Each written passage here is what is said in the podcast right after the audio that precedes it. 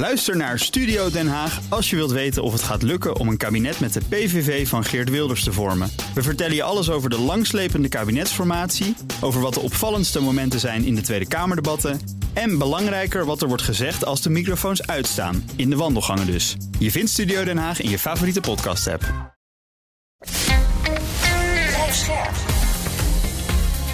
BNR Nieuwsradio. Boekenstein en de Wijk. Hugo Reitsma. Welkom bij Boekenstein en de Wijk. Het is woensdag, dag 511 van de oorlog in Oekraïne. Arjan, wij moeten het alleen doen vandaag. Ehm, dus dan ga ik maar naar mij voor de situatie op de grond. Dan geef je Ehm, zelf het woord. Ja, ik geef het woord aan eh, Hugo voor de situatie op de grond. Eh, voor de tweede nacht op rij heeft Rusland Odessa aangevallen. Zeer krachtige, eh, zegt een woordvoerder van het leger, werkelijk enorme aanvallen en een helse nacht spreken ze van. Vooral de haven zou zijn bestookt met supersonische raketten eh, en ook met, eh, met drones. President Zelensky zegt dat daarbij doelbewust gebouwen zijn aangevallen die werden gebruikt voor de graandeal, waar Rusland zich eergisteren uit heeft teruggetrokken. De Oekraïnse landbouwminister zegt dat 60.000 ton graan verloren is gegaan. Het is wel heel cynisch. In totaal zag ik een getal van, dat ging dan over eh, heel Oekraïne, zijn 63 raketten en drones afgevuurd afgelopen nacht, waarvan er 37 zijn neergehaald. Ja, en, bij Odessa dus 14 van de 30 kruisraketten onderschept en 23 van de 32 drones. Dat betekent wel dat er gewoon dus veel doorkomen. Hè? 16 kruisraketten komen door.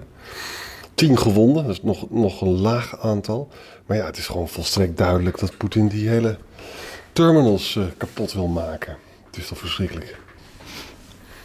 Eh, even kijken hoor. Oh, een, een belangrijke andere kaboom was op de Krim wel een spannende. Er gaan allemaal verschillende verhalen over. Op het oosten van het Krim-schiereiland. Een, waarschijnlijk is het een eh, Russisch munitiedepot in brand gevlogen. Online zijn beelden te zien van een gigantische vuurbal. Die Ja. volgens mij nog steeds aan het branden is.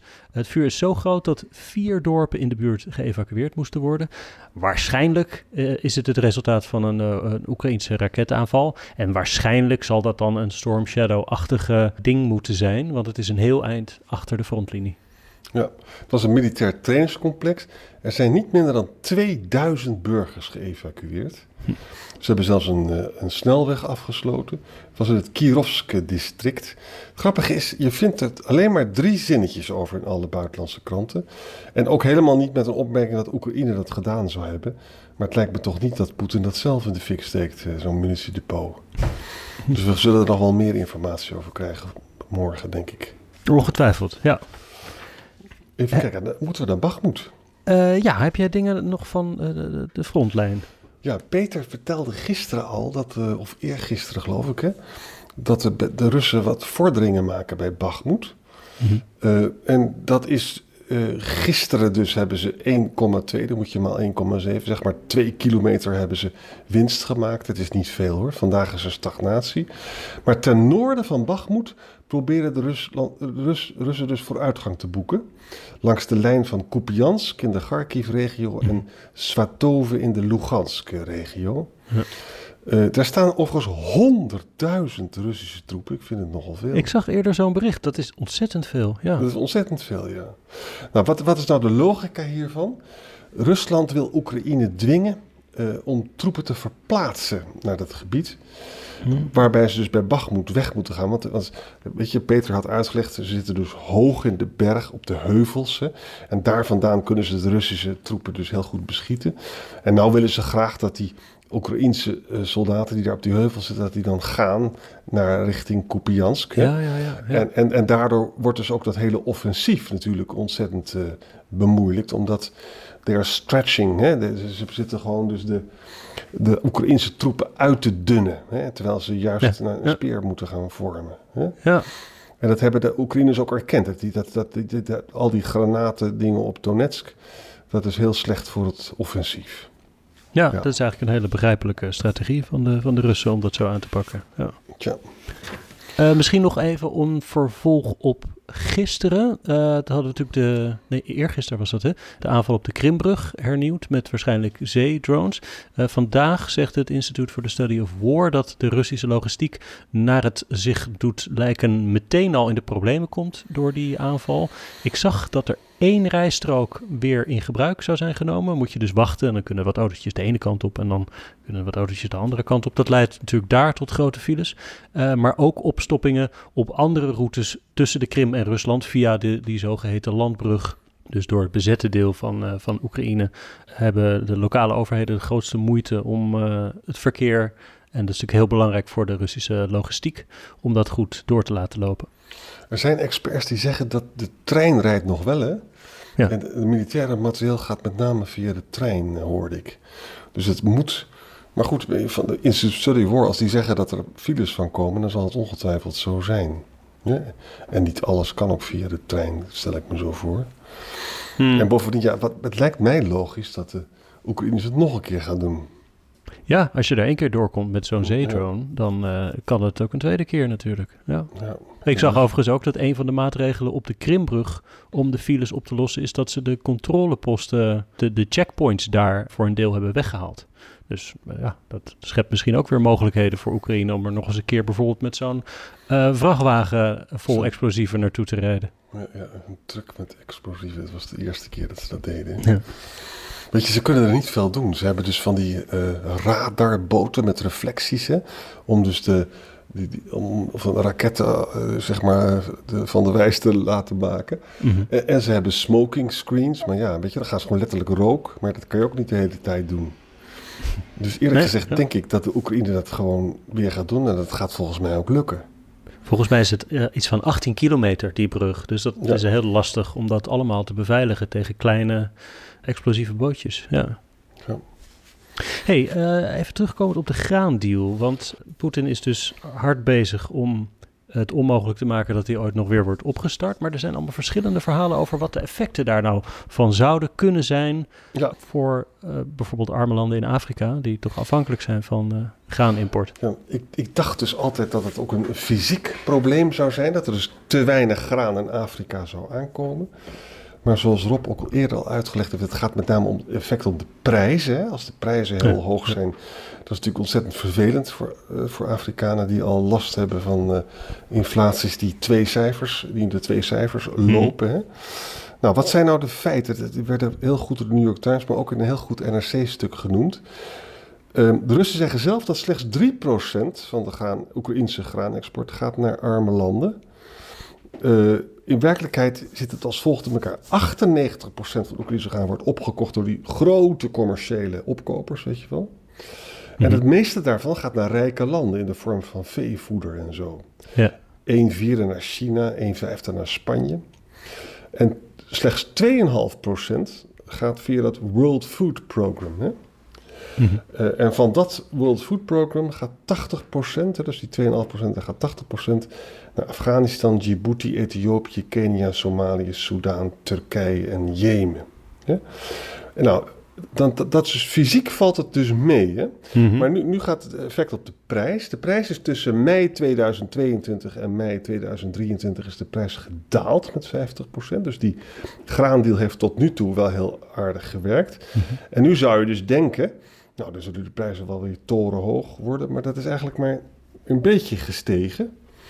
En sommige experts zeggen, maar daar zijn ze altijd over oneens hoor, dat er genoeg alternatieve routes zijn. Er wordt gesproken over uh, een route via de Donau, met, via binnenvaartschepen, maar die hebben natuurlijk een geringere omvang dan die enorme zeeschepen. Ja, ja. Er wordt ook gesproken over een route uh, door de territoriale wateren van Roemenië. En dan heb je natuurlijk, uh, dan kan je hele grote containers doen. En dan zou dus Rusland in strijd handelen met het zeerecht als ze dat zouden blokkeren. Uh, uh, en er wordt ook over treinen gesproken. Maar ja, treinen hebben een veel minder groot volume dan die zeecontainers ja, ja. natuurlijk. Hè. Maar goed, het, het gekke, merkwaardige feit doet zich dus voor dat de markt denkt dat die alternatieve routes wel uh, zullen ontstaan. En dat brengt ons weer tot de vraag, waarom is dat dan niet eerder gedaan? Nou, dat de reden is dat er toch behoorlijk veel graan door die graandeal ging. Ja, dat hebben we nou net gezien met al die cijfers. En dat betekent weer, Hugo, dat dus dat de leverage, de hefboom die Poetin aan ontleent, die is niet zo vreselijk groot. Behalve dat als je dan dus die, die infrastructuur gaat bombarderen in Odessa, die heb je ook nodig als je langs de Roemeense kust gaat varen. Ja. Dus dat is ook de logica hier weer, dat hij het gewoon op die manier uh, probeert te doen. Cynisch, maar logisch. Ook hier weer. Ja. En even verbinden aan die graan. Samantha Power was gisteren dus hè, in, in Kiev. En wie was dat ook alweer? Samantha Power is de hoofd van de United States Agency for International Development. Dus dat is dus ontwikkelingssamenwerking. Ah, ja. Mhm. En uh, steun voor humanitaire steun. Nou, 750 miljoen had ze bij zich. 500 miljoen voor humanitaire steun en 250 miljoen voor het opbouwen van de infrastructuur voor landbouw. Dan moet je dus denken aan Odessa. En zij wil ook meewerken aan het creëren van allerlei alternatieve routes. Hè? Donau, territoriale wateren van Roemenië en de trein en zo. En verder zegt ze, gelukkig is er een goede oogst in Amerika, China, India en ook in Rusland zelf. Waardoor dus misschien de, de, de prijsverhogende effect een beetje gedempt wordt. Ja, ja. Je hebt volgens mij nog steeds een enorme droogte in de Hoorn van Afrika. Hè? Dus dat, daar zitten ze heel penibel. Somalië, Ethiopië en zo. Kenia ook. Ja. Hm. Hey, zullen we eens naar het leuke nieuws van vandaag? Ja, um, ja wat, wat, vind je leuk? Wil je die MI6 doen? Nee, Poetin. Poetin, dat hij niet naar Zuid-Afrika gaat. Oh ja. Die wilde ja, ja. gezellig met zijn BRICS-collega, Brazilië, India, China en Zuid-Afrika, gaan vergaderen daar. Op dus het niveau van uh, regeringsleiders. Maar hij durft het toch niet aan. Ja, het is echt ontzettend uh, grappig. Ramaphosa heeft dus een verklaring uh, uh, uitgebracht. Hè?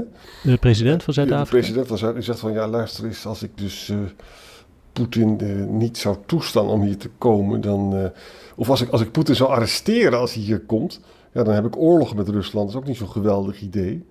Maar ja, zegt hij, luister eens, wij hebben dus een, een Bill of Rights hier in Zuid-Afrika. En dat betekent dus dat je moet wel allemaal mensenrechten moet je respecteren. En je mag ook niet zomaar geweld gebruiken om je zin uh, te doen. Ja, dus, nou, dus, uh, dus het punt is dat Zuid-Afrika is lid van het internationaal strafhof. Poetin is ja. aangeklaagd voor het, uh, het kidnappen van Oekraïnse kinderen, wat een oorlogsmisdaad is. Ja. En volgens mij wilde Ramaphosa het eigenlijk wel mogelijk maken, maar er is de grootste Zuid-Afrikaanse oppositiepartij heeft via de rechter geprobeerd uh, te regelen dat Poetin, als die zou komen, toch gearresteerd zou worden. En er zijn nu gisteren rechtbankdocumenten vrijgegeven, waarin uh, dus Ramaphosa heeft gezegd.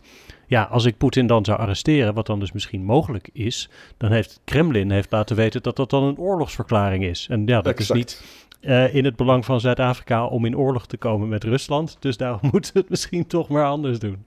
Ja, en nu zegt, nu zegt Ramaphosa zelf, nou, ik heb gewoon even met Poetin gebeld. En we hebben gewoon in, in goed, uh, goede samenwerking besloten dat het beter is dat Poetin thuis blijft. Hè.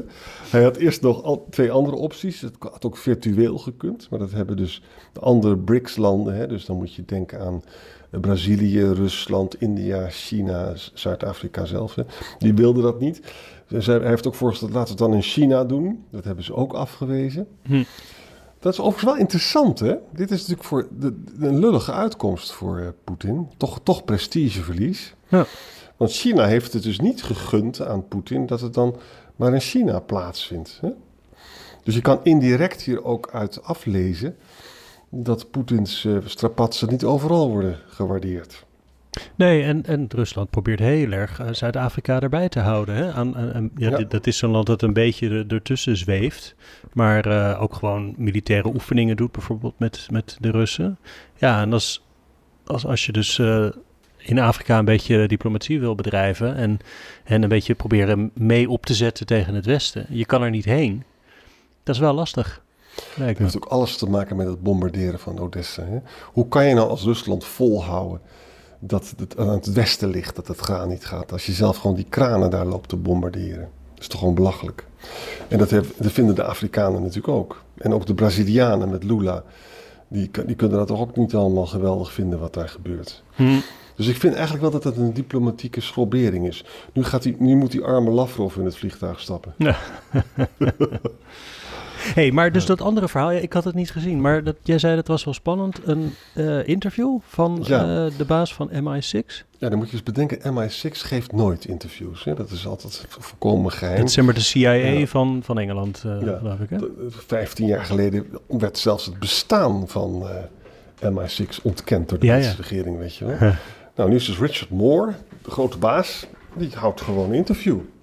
En doet er allemaal sweeping statements in. Hij zegt van Poetin is totaal vernederd nu door de affaire met Prigozhin. Want ja, laten we wel zijn, als, hij, als Prigozhin zich zo misdraagt en Poetin geeft hem clementie, dan is dat natuurlijk gewoon een vorm van vernedering. Hè? Hm, hm.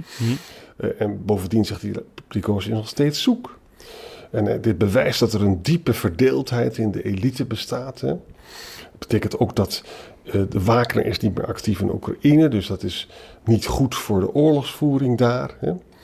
En eh, hij, zit, hij, hij- hij komt tot de conclusie dat, dat hij het niet goed voorstelbaar vindt dat Poetin weer momentum zal terugvinden. Hè?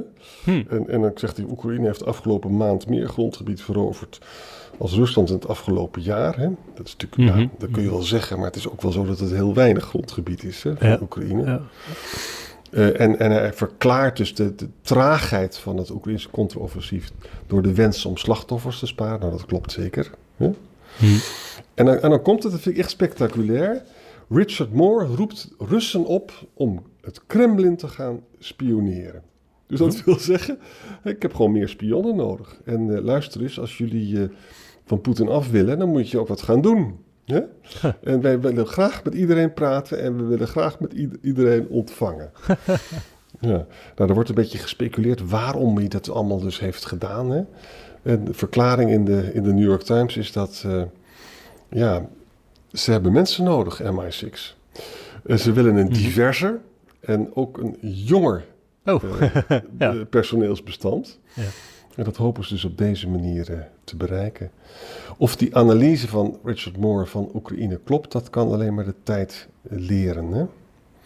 misschien dat het ook is dat, ja, als je inschat dat het misschien een beetje gist in de Russische elite, dat als je uitdrukkelijk daar mensen uitnodigt om min of meer over te lopen, dat je nog meer onrust kan stoken in hoge kringen in Moskou, omdat mensen elkaar steeds minder vertrouwen. Zou zoiets ook kunnen?